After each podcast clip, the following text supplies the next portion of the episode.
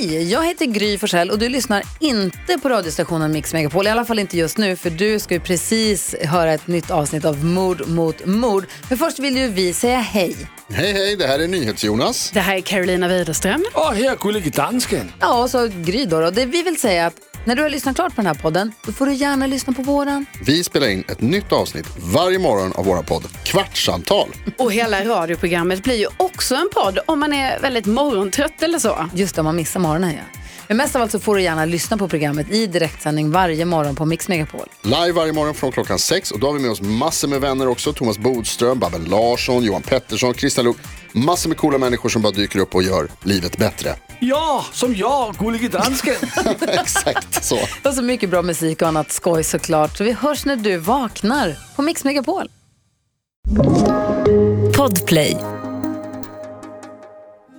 Alltså det här är ett sånt jävla mysterium liksom. De förstår inte hur det här har gått till och det kommer då bara bli mer mystiskt. Okej. För efter ett tag så flyttar stackars Helen in i huset igen. Sen ramlar hon igen och bryter andra höften. Nej. Så hamnar hon på sjukhus igen. Sen kommer hon tillbaka. Det var inte det som var mystiskt. Fast det var Obs. lite mystiskt. Ja, alltså inte... Ja, Okej, det var mer synd om henne Det var bara otur kanske. Det var benskörhet. Ja, exakt. Mm. Det, var, det var väldigt synd om henne. Men jag vet inte om det var så mystiskt. Men hur som helst. Reagerar på fel saker. Okej, jag tyckte det var lite speciellt. Men ja, fortsätt. Leta så mycket efter det mystiska. Okej, det kommer, du behöver liksom inte leta, det kommer vara on the nose. Ja, jag fattar. 100%. Okej.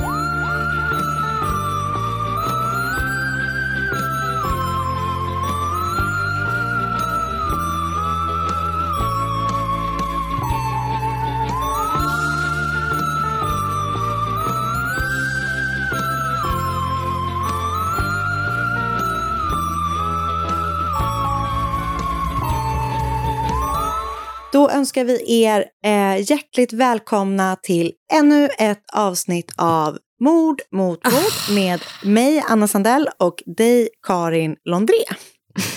Hur är läget? Eh, Det är bra, hur mår du?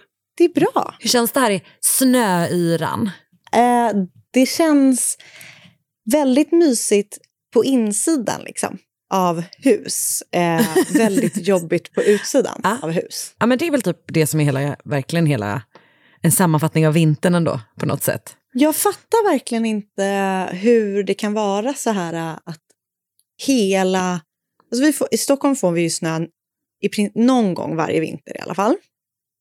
Ja, Håller du med mig? Ja, ja, ja gud ja. Eh. Så långt är jag med dig.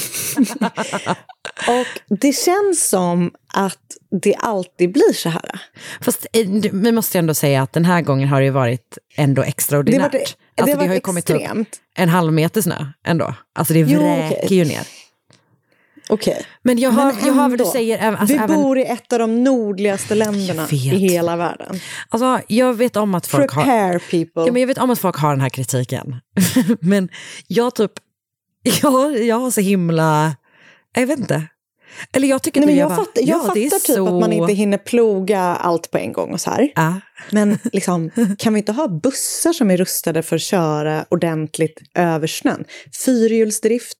Ja, alltså vi, jag har ju, det går ju väldigt fort till att inga bussar där jag bor Eh, eh, går för att det finns en backe här där de fastnar. Och det är, det är för någonting med, med julen typ. Så det, det liksom är, alltså redan typ i lördags så var allting inställt liksom. Och då hade det ändå bara kommit lite. Så att jag är ju lite grann strandad här liksom. Eh, men jag tycker, alltså du vet, jag känner mig lite så imponerad konstant av eh, att eh, det funkar vanligtvis.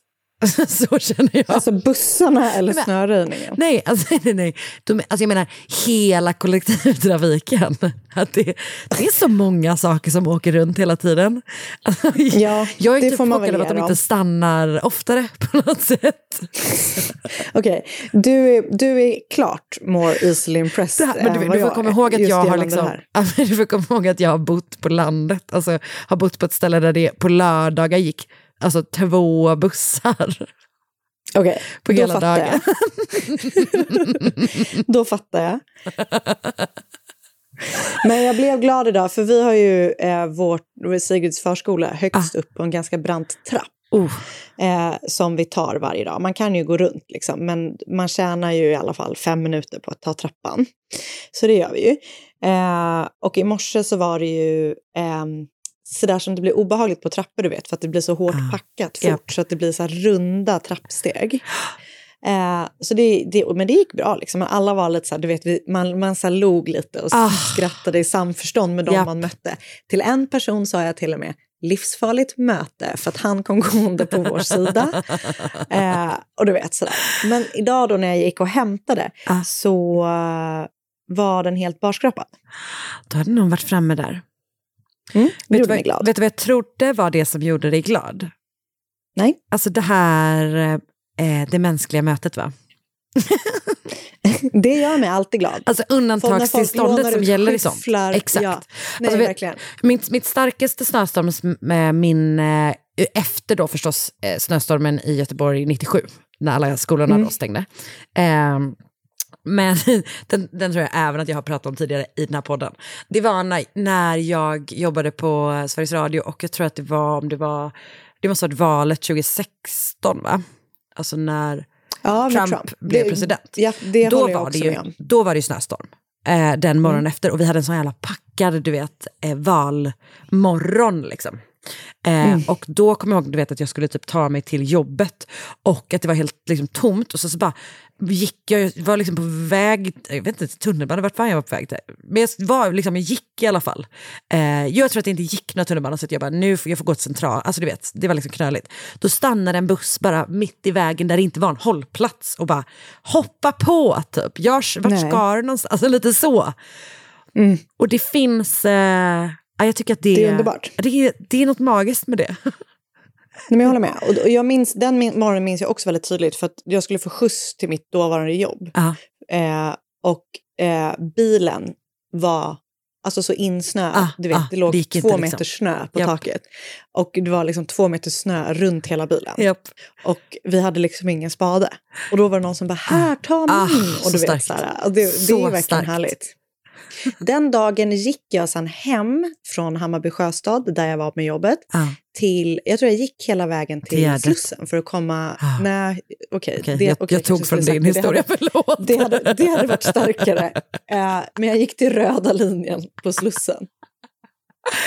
Det, var, det var långt. Jo, Men det var inte lika långt som jag hade Fast jag tänker, man Men kan det tog vara typ långt- två timmar. Exakt, man kan vara jävligt långt ut i Hammarby sjöstad.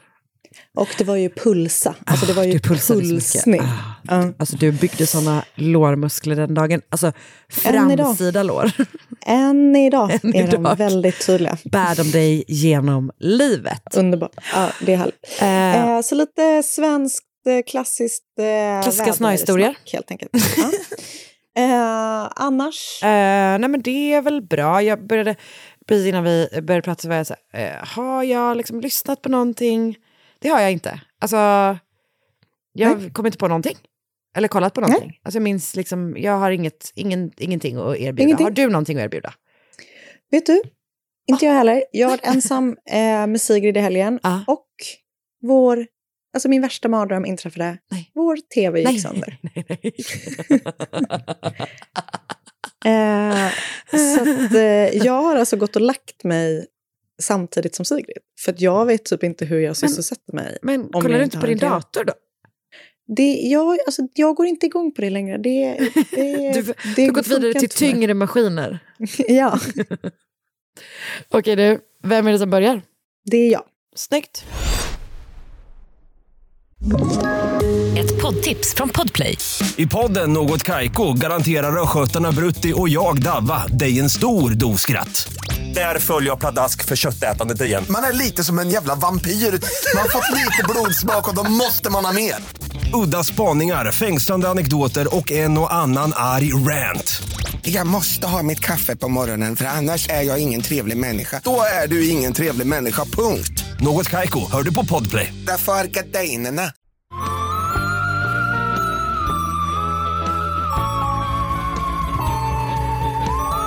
Rebecca Coriam föddes den 11 mars 1987 i Chester i England. Eh, där växte hon upp med sin mamma, sin pappa och sina tre syskon. Och i sina tonår så arbetade hon både på ett zoo och gick med i British Army Cadets. Vilket eh, jag inte riktigt vet vad det är. Det är väl någon sån förmilitärisk skola. det. Mm. Och efter skolan så fortsatte hon att plugga på Plymouth University där hon läste idrottsvetenskap. Och efter det pluggade hon på Liverpool Hope University där hon läste något som kallas för Youth Studies. Och utan att veta det här eh, så tänker jag att hon kanske hade ambitioner om att bli idrottslärare. För det känns som att det är det Ja, man kanske blir om man kombinerar de två. just det. Men det är en gissning. ja, bra gissning tycker jag. Tack. Eh, men så i juni 2010 så verkar det som att hon kommer på lite andra tankar. Ganska, i min värld, väldigt annorlunda tankar. För hon bestämmer sig för att söka jobb på Disney Cruises på ett av deras kryssningsfartyg. Ja. Och de kryssar ju liksom eh, runt the Americas kan man väl säga. Eh, så det är liksom typ, eh, ja men du vet, Mexiko, typ eh, ehm, Mm. så, så det är på andra sidan Atlanten liksom, Ja. som hon vill söka jobb. Så hon eh, blir kallad eh, på intervju i London och eh, åker dit, får jobbet. Och hon blir skitglad. Och efter det så får hon då åka till Disney World eh, i Florida för att utbildas. Och eh, där tränas liksom alla. Och, och alla som blir anställda har så här sparkling personalities. Och du vet, eh, jag tycker det är kul. Vissa kanske kan sjunga, eh, du Mm. vet så. Mm. Ehm, och sen får hon då jobb på ett av Disney Cruises kryssningsskepp som heter Wonder. Och deras tagline är Where wonders never cease. Vilket Uff. är starkt. Alltså, på tal om ordvitsar. Precis. Så blir det något om ett kryssningsfarskepp, farskepp, fartyg, då kan vi den. Då kan vi den. Eller vi kan just Ehm, det Just kryssningsfartyget. den Ja, kan vi. Den kan vi. Ja.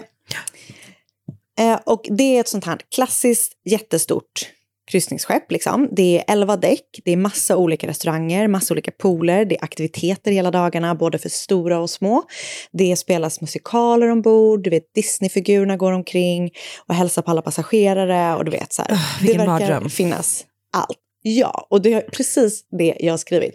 Personligen känns det som den största mardrömmen man kan tänka sig. 100%. Men det verkar ju vara, alltså kryssningar Så verkar ju vara populärt. populärt. Och det känns typ väldigt poppis, kanske framförallt i USA. Jag vet inte att det liksom är som verkligen, att det lever kvar det här gamla, att det var lyxigt typ att åka på kryssning. Jag tänker typ att det, det känns som en kombination av att det känns som att det är lyxigt, men det känns också väldigt mycket som sinnebilden av den amerikanska turisten. Du vet att man har en sån skärm typ. Att det känns väldigt Ja. Florida att åka Väldigt kryssning. mycket. Liksom. Och, och jag tänker typ att det är folk som är så här, gud man får se så mycket och så är det så himla bekvämt. För att Japp. man bara så här slussas omkring, kliver av i en hamn, we were in där the i sex Bahamas. timmar. We, alltså, Ja. Du vet att man liksom kan... Alltså verkligen. Ja. We saw the Bahamian culture, uh, then we got to see the Mexican coast eh, Ja. och sådär. Men grejen är att man bara får se det liksom, på avstånd från skeppet medan man typ hänger med Musse Pigg. Typ. Mm. En kryssning som jag däremot verkligen skulle vilja göra är att åka Hurtigruten. Nu ska vi se, vem fan var det jag pratade med? Jo, det är du vet min kompis Camilla. Eh, jag Mm. träffade henne för några veckor sedan och hon pratade alltså så mycket om hur nice det var när hon åkte Hurtigruten. Det, det verkar vara en dröm. Alltså, hon återkom till det flera, flera gånger och jag förstår inte. Du vet, vi kollade, ja okej, vi kollade lite på below deck, men det var liksom enda kopplingen och ändå bara Hurtigruten, Hurtigruten, Hurtigruten. Nej, jag Eh, tycker det verkar, fan, jag tycker det verkar jättekul. Det kan, det kan vi göra, det gör vi. Eh, ja, det vore kul. Typ kanske när vi så fyller 40 typ. Känns inte det som en så här Vi bra kan göra när du fyller 40-årspresent? 35 om du vill. Ja, det kan vi göra. Mm. Om ett och ett halvt år. Men vi, eller så kan vi spara till 40, vi ser. Vi ser. Ja, vi ser. Okej, men hur som helst. Eh, men, men, precis. Det är en kryssning jag kan tänka mig göra. Men det jag faktiskt kan tänka mig är att det nog är ganska kul att jobba ombord ett sånt skepp i typ några månader. Det är väl lite samma sak som att vara reseledare på en, liksom på en charter. Ja, typ. exakt. Jag Säsongen kan är jag mig att man... Exakt. Jag kan ändå tänka mig att man som ungdom har ganska kul. Det enda är det här att det är flera månader och att du inte kommer av. Alltså panik. Nej, precis. För det är ju det då. Hon var liksom på båten flera månader åt gången. Och eh, som jag liksom förstår det så har hon så regelbunden kontakt med sin familj genom hela tiden, även om det då liksom är lite utmanande, givet att det är ju typ åtta timmars tidsskillnad. Ehm, och hon jobbar ju liksom Mm. mestadels av tiden. Så de brukade så avtala om när de skulle ringas. Eh, du vet, så här, ja, men vi rings på torsdag kväll. Mm. Vilket man ju typ också känns som man gjorde mer förr. För att jag kommer ihåg typ när jag backpackade i Australien. Jag skypade med min mamma och pappa två gånger på tre månader. Ja. För att det var så här tidsskillnad och typ man kunde inte ringa för det fanns inte internet. Nej men också typ att så här, hela poängen är väl på något sätt också att man ska bryta sig loss lite också. Förstår du vad jag Jo, men det menar? är det ju. Och jag Absolut. tänker att den tiden i livet när man gör sånt är då man alltså, nästan gör det som mest. Typ. Liksom. Men så är det ju. Men jag tänker också att så här, Också så eh, det var ju. liksom tekniskt utmanande Ja, förr på ett sätt som det ju faktiskt inte är idag. Men eh, nog om det. Självklart ska alla ha sin eh, frigörelseperiod från sina föräldrar. Ja. Förutom våra barn. Ja. Eller? Mm. Nej, jag vill verkligen att mitt ska ha det. Jag vill typ också det, verkligen det. Och Okej. hon har redan bör- påbörjat Ja, det har hon Så att, verkligen. ehm, Hon är är en toppen. äkta legend. Eh, Okej, men så utöver då att de hördes i telefon så var hon också hemma under två veckor, liksom under den här tiden som hon arbetade, för eh, att hennes morfar hade gått bort. Eh, men det var liksom den enda gången som hon var hemma på typ så här, ja, men ganska lång tid, för det är ju ändå en ganska lång resa. Um, Okej, nu är vi då framme i mars 2011 och hon har väl jobbat på Wonder i ungefär ett halvår drygt. Och Rebecca och Disney Wonder är på väg från Los Angeles mot Puerto Vallarta i Mexiko. Och runt kvart i sex den 22 mars så sitter Rebecca i ett av fartygens personalrum och pratar i telefon med någon på eh, någon slags intern telefon typ. Eh, och allt det här finns så på övervakningsbilder. Och man kan se att hon är upprörd på bilderna. Men det är utan ljud, så man vet inte vad hon säger eller liksom vad samtalet handlar om. Efter det så lägger hon på luren, eller efter det hon, hon lägger på luren och sen ställer hon sig upp och typ så här drar händerna genom huvud, håret lite så här dramatiskt. frustration, skakar på typ. huvudet. Ja, typ så. Mm. Och sedan går hon ur bild. Och det här är det sista man någonsin ser av Rebecca. För hon skulle börja sitt skift klockan nio morgonen därpå, men dök då inte upp. Så någon gång mellan kvart i sex och nio på morgonen så har hon alltså bara försvunnit från Ah. fartyget. Eh, och när hon då inte dyker upp klockan nio så börjar du vet, så här, de gör typ något utrop på så här, högtalartelefonen efter henne. Och sen så blir då hennes kollegor uppmanade att leta efter henne på båten. Mm. Men de hittar henne liksom inte. Så de kan konstatera att så här, hon är ingenstans. Efter några timmar så eh, kallas USAs kustbevakning och den mexikanska flottan eh, in, eller de kontaktas då för att genomsöka närliggande hav, vilket känns som typ, en ganska hopplös uppgift. ehm, för att Nej. havet är ju liksom i ständig rörelse. Eh, det känns verkligen helt... Eh, Det är också så lång tidsperiod. Ja, och du vet, någonstans läste jag några timmar, någonstans läste jag att det var ännu längre tid än så. Eh, så att, eh, men att de fick så koordinaterna, typ. Det var här hon troligtvis försvann. För det är också, du vet, så här, ja, någon gång mellan sex och nio har hon försvunnit. Och sen kallas de in flera timmar, eller kanske till och med ett dygn efter. Så att det är liksom, ja, Ah. under all Ah. kritik. Ehm, så. Och de hittar ju då inte heller Rebecca eller några spår efter henne. Enligt Rebeccas pappa så har det framkommit senare, och jag vet inte hur han vet det här, men enligt honom då så har eh, kustbevakningen och flottan fått fel koordinater från Disney. Eh, så att de har liksom letat efter hans dotter på fel plats. Ehm, och det kan väl kanske stämma då givet det som vi sa här att man, man vet ju liksom inte ens när hon försvann så det är väl helt omöjligt att uppge koordinater. Eh, enligt eh, Rebeccas pappas uppfattning så har Disney heller inte följt de procedurerna som ska göras när någon försvinner ombord, vilket tydligen är att man ska vända om skeppet. Oj. Ja. Ja, så det är liksom ja, helt sjukt. Ehm, och som det är då när saker händer på internationellt vatten så blir det lite så här oklart vad, vem som ska hantera det efter, eller man ska säga. Eh, eller så här, skeppet är registrerat i ett land, företaget registrerat någon annanstans, rutten går en tredje distans ifrån och sen så ska det till ett fjärde land och du vet, eh, varumärket kanske är från ett femte land. Så att det är ju så här jättemånga eh, nationer involverade. Men eh, det är ju någon sån här eh, consti- constitution of flag, eller det, det heter någonting, som gör då att där skeppet är registrerat i det landet, det är det landets myndigheter som sen då ska utreda vad som har hänt. Ah. Och i det här fallet då eh, så faller lotten på Bahamas. För eh, Wonder är registrerat i Bahamas. Så det är en brittisk tjej som har försvunnit. Hon har varit anställd i ett amerikanskt bolag och varit liksom på internationellt vatten. Och så är helt plötsligt är det den, liksom, polisen på Bahamas som ska utreda hennes försvinnande. Ja. Ehm, och The Royal Bahamas Police Force, RBPF, kallas in tre dagar efter att Rebecca har försvunnit. Och de utser då i sin tur en endaste polis som skickas eh, för att utreda Rebeccas försvinnande. En man vid namn Paul Rolle. Och ehm, han verkar, om man ska vara helt ärlig, ha gjort ett ganska kastjobb i att utreda hennes försvinnande. Han tillbringade en dag på skeppet efter att det lagt till i land. Och sen intervjuade han bara sex stycken av de alla 950 personer som arbetade med Rebecca. Och han pratade inte med en enda av de mer än 2000 pass passagerare som var ombord när. Rebecca försvann. Mm. Det måste också finnas hur mycket övervakningsbilder som helst ju.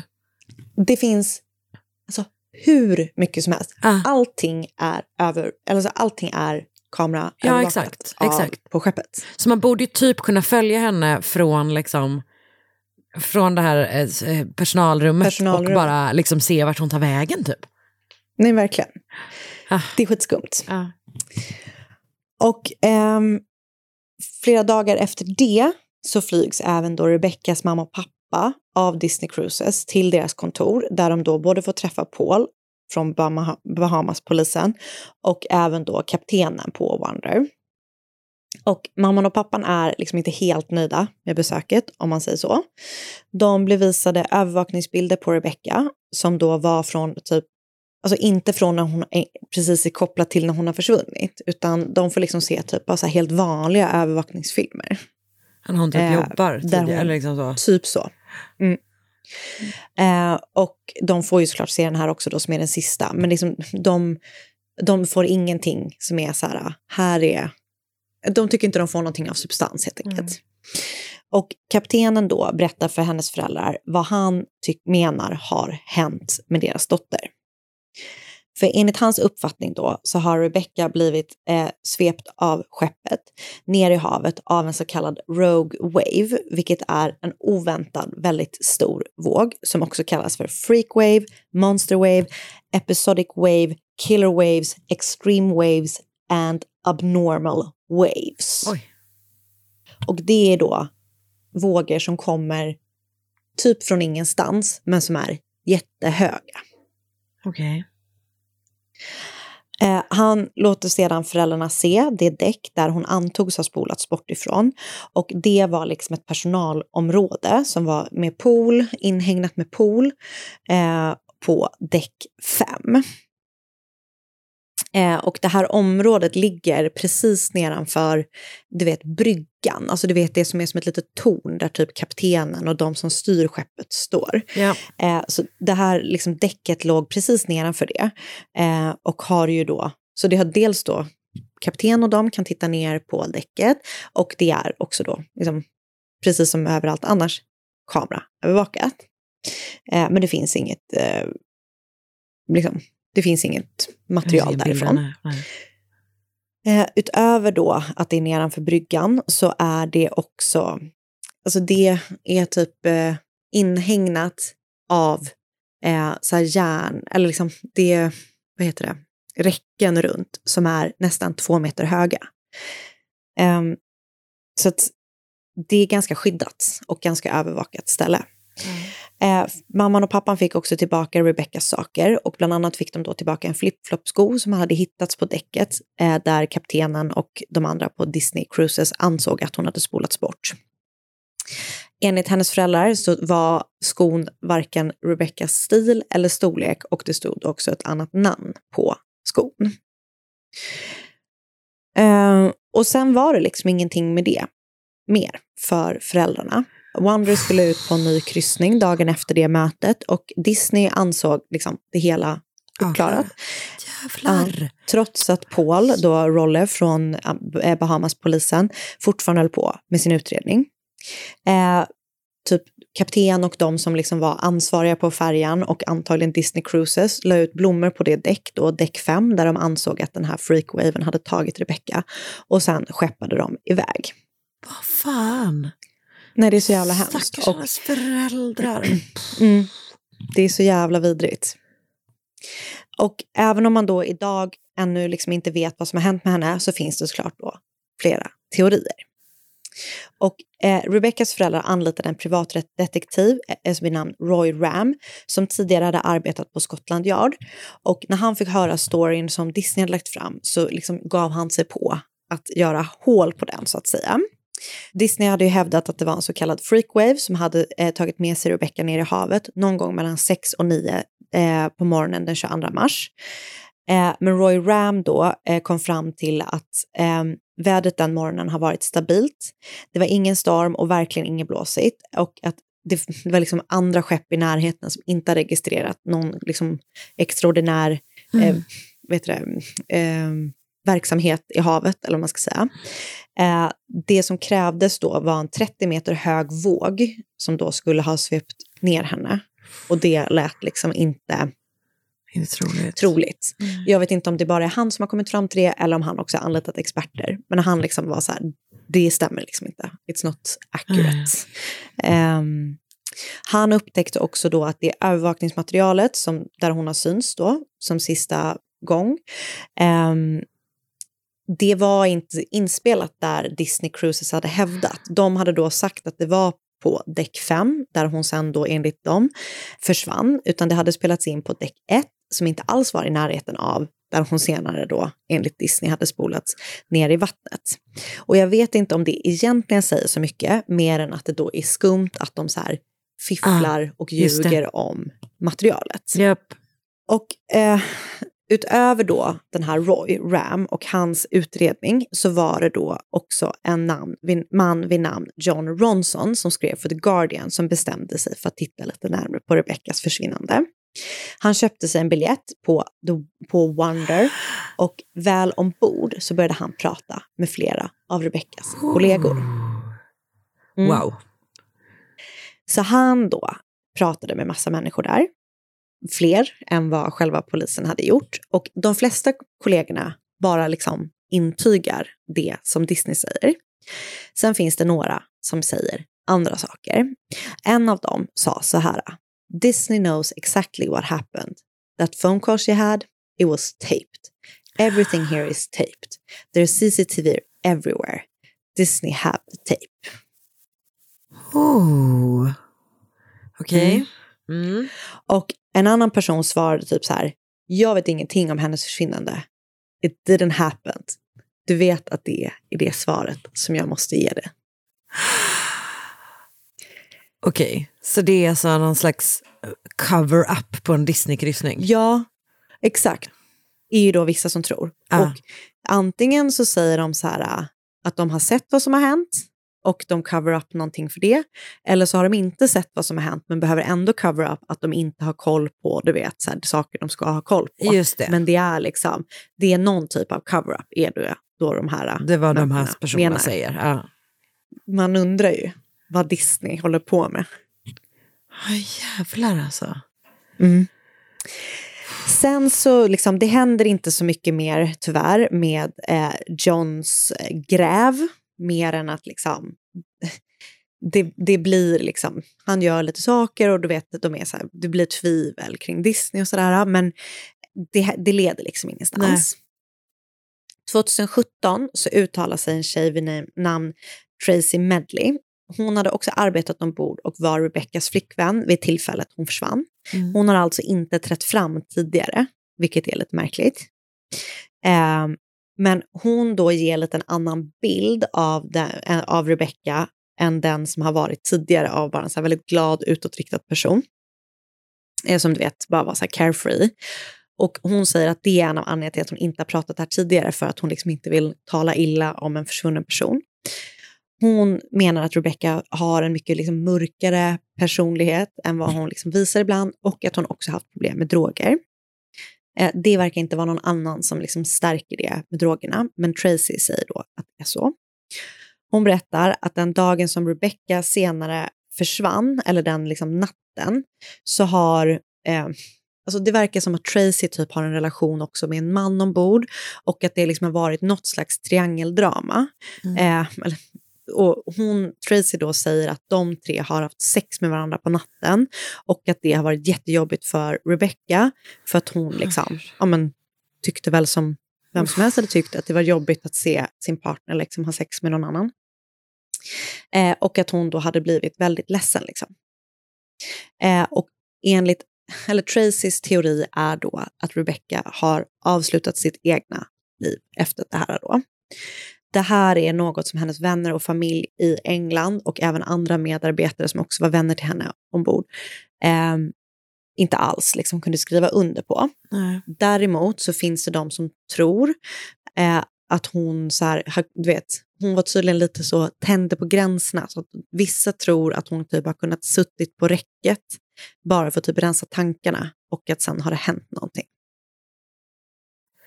Ah, Sk- Skitläskigt. ah, det är så jävla obehagligt. Flera av eh, i Rebeccas familj och flera av hennes vänner och även medarbetare ombord trodde att Rebecca hade blivit utsatt för våld eh, och blivit mördad. Eh, Roy Ram hittade 2016 ett par shorts bland hennes tillhörigheter som familjen eh, hade fått tillbaka liksom, ja, fem år tidigare som var helt sönderslitna. Och jag antar då att de inte bara var så ett par ripped shorts Nej. som är typ mode, utan att liksom, de fick honom då att tro att hon har blivit utsatt för eh, liksom, sexuellt våld eller våld av någonting, att någon har slitit sönder hennes byxor och att hon sen har typ blivit eh, ja, men mördad och att någon har gjort sig av med hennes kropp från skeppet. Det finns inga teorier om vem det skulle vara. Det finns liksom inget annat som tyder på det. Men liksom flera människor i hennes närhet känner sig typ ändå övertygade om att det måste vara någonting som är mer skumt bakom det.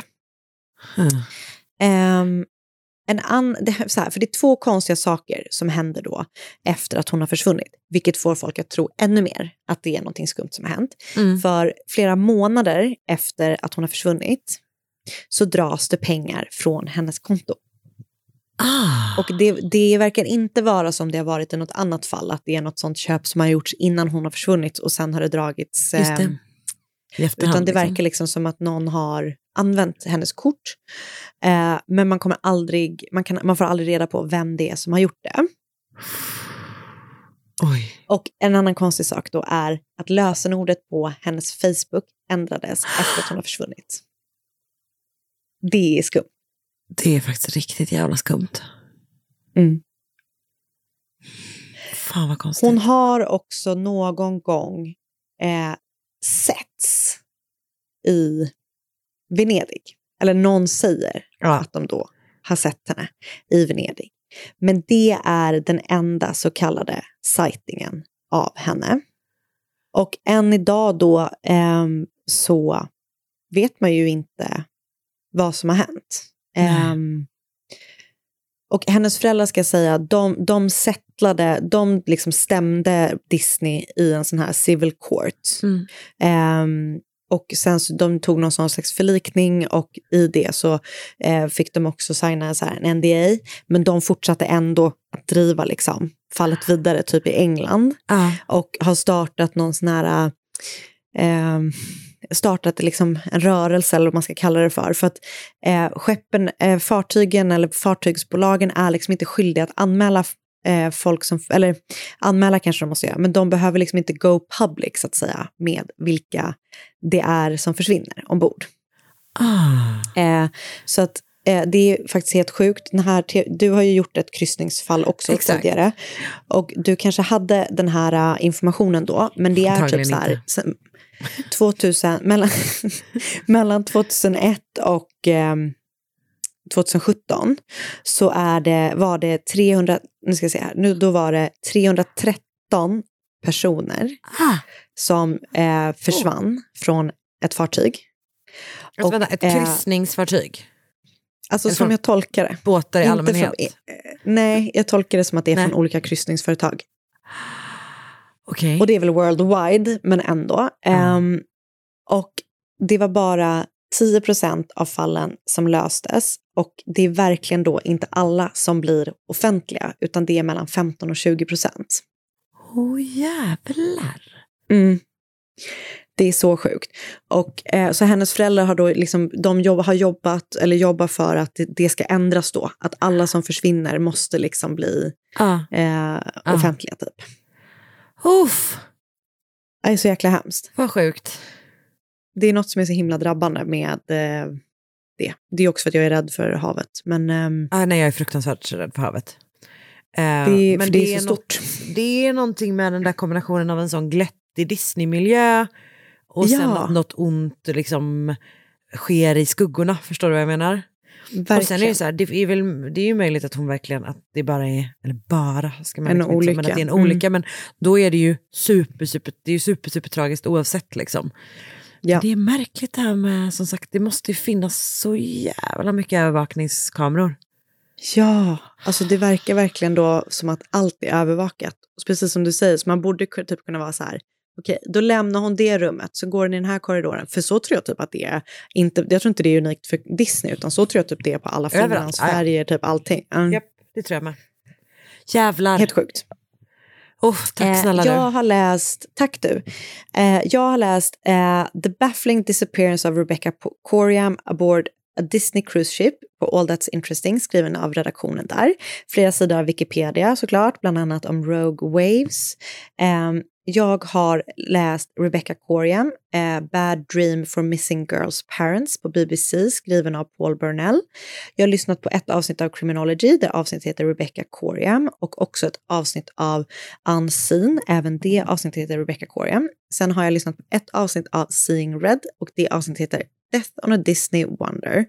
Och så har jag läst Mystery of a Woman Who Disappeared from Disney Cruise Ship More than 10 years ago på Express express.co.uk skriven av Catherine McPhillips. Gud, du har verkligen eh, forskat den här veckan, hörru. Det var spännande. det var det verkligen. Poddtips från Podplay. I podden Något Kaiko garanterar östgötarna Brutti och jag, Davva, dig en stor dos skratt. Där följer jag pladask för köttätandet igen. Man är lite som en jävla vampyr. Man har fått lite blodsmak och då måste man ha mer. Udda spaningar, fängslande anekdoter och en och annan arg rant. Jag måste ha mitt kaffe på morgonen för annars är jag ingen trevlig människa. Då är du ingen trevlig människa, punkt. Något Kaiko, hör du på Podplay. Därför är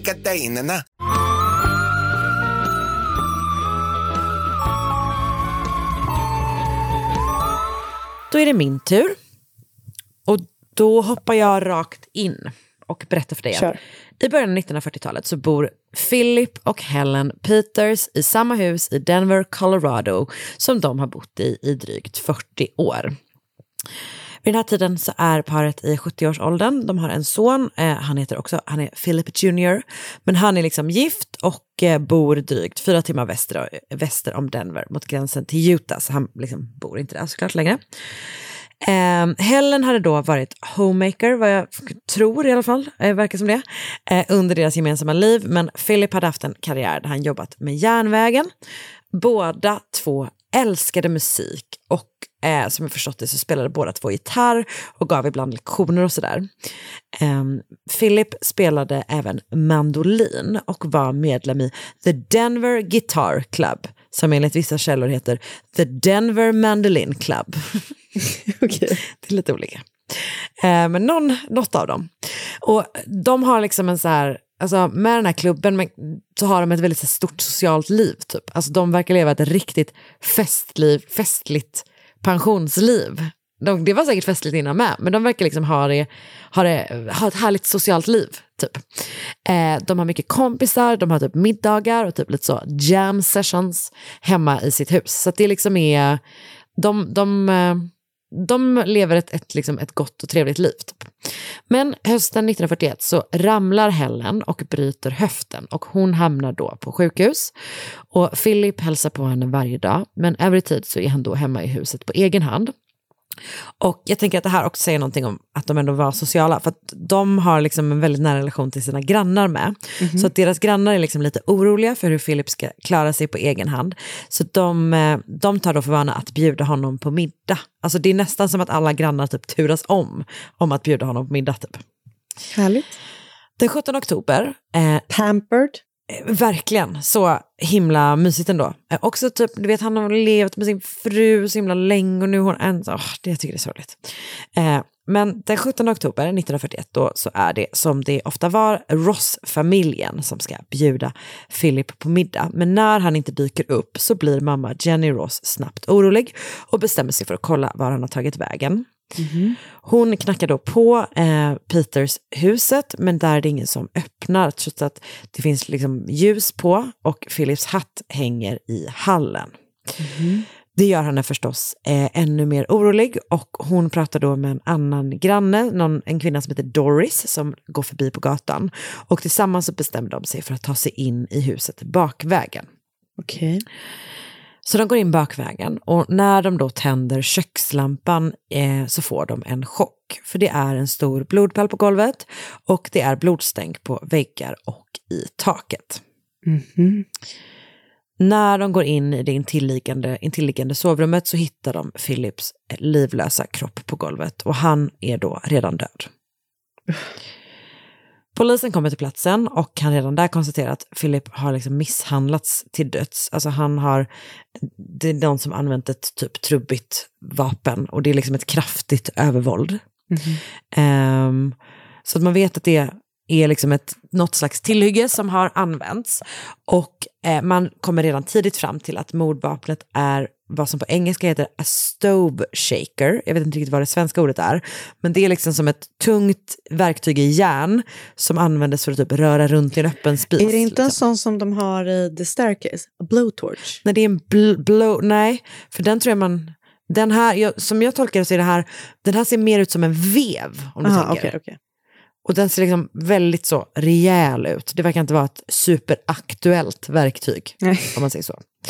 Ehm, så man hittar då mordvapnet, men det är liksom det enda som kommer att bli enkelt med det här fallet. För både grannarna och stackars, stackars Helen säger då att så här, nej men vi, vi har inga fiender, alltså du vet det finns liksom ingen, inga sådana motiv.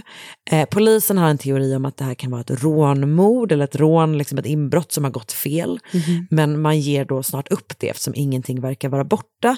Och det finns också ganska mycket pengar runt om i huset. Liksom. Så att man står där och så här, kliar sig i huvudet, så här, vad kan det här vara för någonting? Och det blir inte mindre mystiskt av att man inte riktigt förstår hur, alltså man förstår liksom inte hur eh, mördaren har tagit sig in eller ut ur huset. Alla dörrar är liksom låsta inifrån eh, och alla fönster är låsta in. Alltså du vet, det, liksom är, det är till igenbommat hus typ. Eh, och vid ett tillfälle så tror polisen att så här, kan det ha varit, de hittar typ som en det ser lite grann ut som en lucka typ i någon garderob. Och sedan så här, kan mördaren ha, du vet de är så desperata, de bara, kan mördaren ha gått upp här typ? Men det är liksom en jätteliten lucka. Så de kommer nog fram till att så här, men det låter också konstigt. Alltså det här är ett sånt jävla mysterium liksom. De förstår inte hur det här har gått till och det kommer då bara bli mer mystiskt. Okej. För efter ett tag så flyttar stackars Helen in i huset igen. Sen ramlar hon igen och bryter andra höften. Nej. Så hamnar hon på sjukhus igen. Sen kommer hon tillbaka. Det var inte det som var mystiskt. Fast det var Ops. lite mystiskt. Ja, alltså inte... Ja, Okej, det var mer synd om henne. Det var bara otur kanske. Hon har väldigt otur. benskörhet. Ja, exakt. Mm. Det, var, det var väldigt synd om henne, men jag vet inte om det var så mystiskt. Men hur som helst. Reagerar på fel saker. Okej, jag tyckte det var lite speciellt. Men ja, fortsätt. Leta så mycket efter det mystiska. Okej, det kommer, du behöver Jag liksom inte leta, det kommer vara det on the Ja. nose. Ja, Ja, jag fattar. 100%. Okej. Så hon kommer tillbaka till sjukhuset igen och sen i april 1942 så är hon eh, hemma igen då. Då flyttar hon tillbaka in. Men hon har ju då inte sin man hos sig längre, sorgligt nog. Och eh, har, kan ha liksom, alltså hon har lite svårt att ta hand om sig själv. Så hon flyttar då in med två så tolkar jag det som att det är typ sköterskor slash hushållerskor. Så en jobbar kväll och en jobbar dag liksom. Som då ska hjälpa henne med allting i huset. Och den ena, hon heter Hattie Johnson, hon slutar snart. För hon tröttnar på att det händer läskiga, läskiga saker i huset hela tiden. Okej. Hon hör saker i väggarna. Alltså hon hör du vet, så här, fotsteg i rum där ingen är. Sluta. Saker försvinner, saker flyttar på sig. Så hon blir helt enkelt övertygad om att så här, det spökar här och jag tänker inte vara kvar. Typ. Jag är rädd liksom. De ringer då förstås, ja jag vet, det är så obehagligt. Alltså det är ju någonting med det här fotsteg i tomma rum, panik. Ja. Eh, det är liksom så originalspökigt på ett så obehagligt Jag hörde ett fotsteg här hemma faktiskt i helgen. Nej. Mm. Var det Sigrid? Nej, hon låg bredvid mig och så. Åh fy fan vad läskigt. Okej, Mm. bränn hela lägenheten. Ja. Okej. Ehm, polisen kommer till huset flera gånger. Så att de liksom ringer, de är ändå så pass rädda att de är så här, det är någonting skit här. Så att polisen kommer dit, eh, de söker igenom huset men hittar aldrig någonting. Pressen får då nys om det här och det blir liksom enormt omskrivet. Man påstår också att folk har sett Philip Peters spöke röra sig i fönstren. Och fallet går snart under namnet The Denver Ghost House Slayings. Den andra hushållerskan, hon heter Edith Clark, hon stannar lite längre men hon tycker också att det liksom är super, super läskigt. Men en dag så får hon nog. För hon hör då konstiga ljud som kommer från köket och när hon går in där så ser hon liksom, alltså på andra sidan en dörr, så ser hon så tunna vitaktiga fingrar typ stänga till dörren. Nej. Och sen så hör, skriker hon till och då hör hon typ fotsteg som så springer upp för trappan typ. Nu slutar du. Inte heller den gången så hittar polisen någonting. Så de anställda slutar och då flyttar Helen till sin och Philips son och du vet då så här, hon har kvar huset men hon stänger av elen och liksom allt sådär. Mm. Och polisen bestämmer sig då för att fortsätta hålla koll på huset. De, vid ett tillfälle så står de utanför i en parkerad polisbil i två dagar och två nätter, men hör eller ser ingenting. Efter ett tag mattas intresset av, men polisen fortsätter att liksom med ojämna mellanrum ta sig typ en titt på huset. Under lugna patrulldagar så stannar de typ till där bara. De ser ingenting och hör ingenting, men detsamma gäller då inte för grannarna. För grannarna tycker att saker och ting ändrar sig i huset trots att ingen ska vara där. Ibland ser man persienner hänga på ett sätt ena dagen och på ett sätt andra. Ibland hör man fotsteg där inifrån och ibland ser man en gestalt skymta förbi i huset. Okej. Vill du höra något svinläskigt? Ja. Alltså Helen Peters hade typ en klocka som hon ringde i för att hon var ju in recovery då efter sina eh, benbrott. Så hon hade en klocka uppe på övervåningen i sitt sovrum som hon typ ringde i när hon ville ha hjälp från sina sköterskor. Och ibland så hör man liksom hennes klocka ringa eh, trots att ingen liksom är i huset. Åh, fy fan. Nej, jag vet, det är så obehagligt. Så månaderna går och det blir vår och det blir sommar 1942. Polisen har inte glömt bort Petershuset och den 30 juli bestämmer sig två poliser, Rox Bloxom. Uh. Låter så jävla mycket som ett dataspel, eller? Lite faktiskt, jag håller verkligen med. Ehm, och William Jackson. De bestämmer sig för att göra ett rutinstopp vid huset och den här gången är då inte som alla andra. För när de går in i hallen så hör de någonting. Okej. De hör ljudet, eh, alltså de, det låter som ett, liksom, ett låsliknande läte från övervån övervåningen. Och de rusar upp för trapporna. Okej. De följer ljudet in i ett av sovrummen och hinner precis i tid för att se ett par ben försvinna upp genom luckan i garderoben. Men sluta. De får tag i benen och börjar dra. Och ut på golvet tumlar en man. Han är smutsig, hans kläder är trasiga och håller liksom knappt ihop. Han är blek och utmärglad och han heter Theodore Edward Conis och han är inte bara den som har mördat Philip Peters. Han har i hemlighet bott i ett mycket, mycket litet utrymme på paret Peters vind i tio månader. Nej. Varför hade han så smala vita fingrar? Men för att han har ju bott där och typ inte kunnat äta ordentligt på hur lång tid som helst. Mm. Ah, okay. Eh, men jag, ska också, jag kommer också ge dig mer information. Theodore Connis var vid den här tiden 60 år gammal. Han, var, han föddes i Illinois. Hans pappa Thomas ägde en järnaffär så familjen hade det så helt okej okay ställt tills att Thomas tyvärr dog när Theodore fortfarande var väldigt liten. Han är typ två år gammal tror jag. Han och hans mamma Isabella blir kvar och liksom får ett väldigt tufft liv tillsammans. De flyttar runt lite grann och hamnar till slut i Denver där Isabella börjar jobba som städerska. Hon har ärvt lite pengar från sin make och bestämmer sig för att investera i dem för, att, liksom, för deras framtid. Men råkar ut för någon slags bedragare som alltså i en scam tar alla hennes pengar. Oh.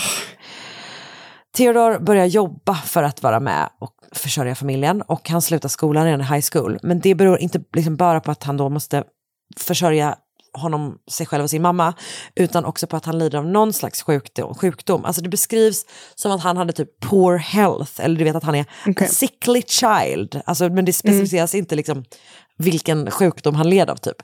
Men hur som helst så får han under tonåren en dödsdom. Alltså läkarna säger att han inte kommer leva långt efter sin 18-årsdag. Okay. Och på grund av hans hälsa får han inte, som han vill, spela baseball, utan hans mamma bestämmer, för att han ska, bestämmer att han ska spela musik istället.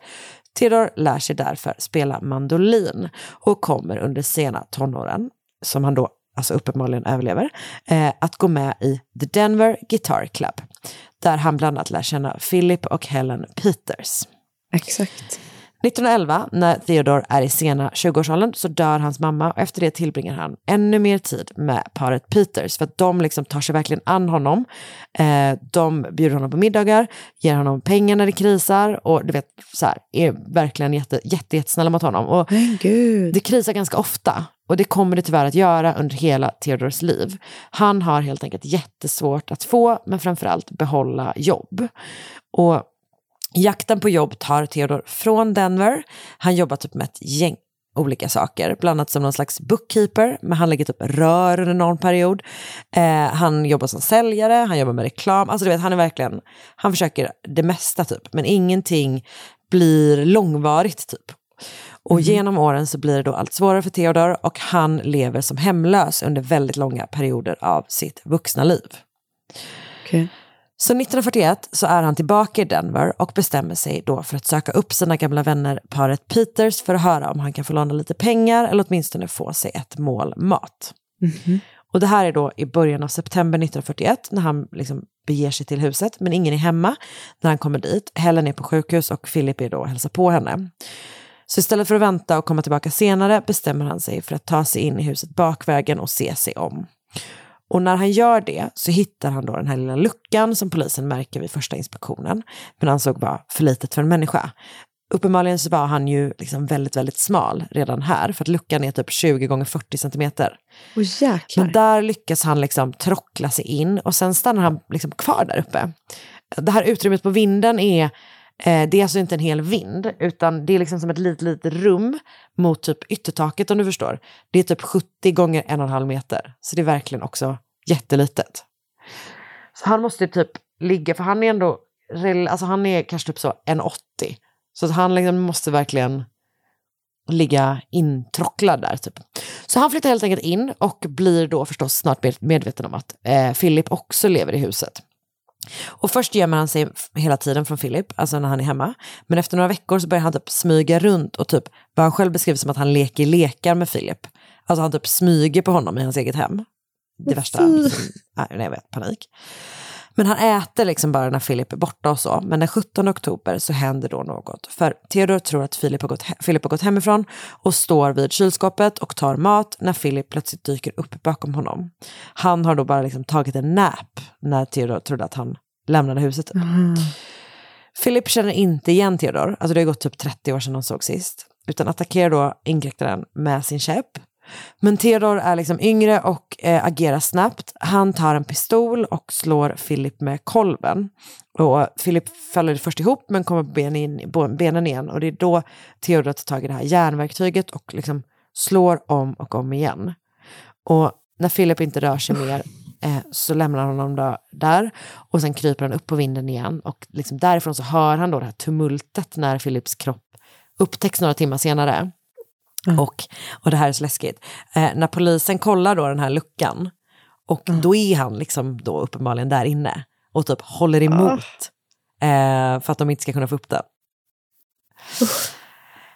Livet är eh, lättare för Theodor så länge Helen bor kvar i huset. Då har han åtminstone lite tillgång till mat och dessutom typ vatten och el. Men när hon flyttar ut och stänger av allting så blir det förstås tuffare. När Theodor till slut grips i slutet av juli så väger han typ 50 kilo.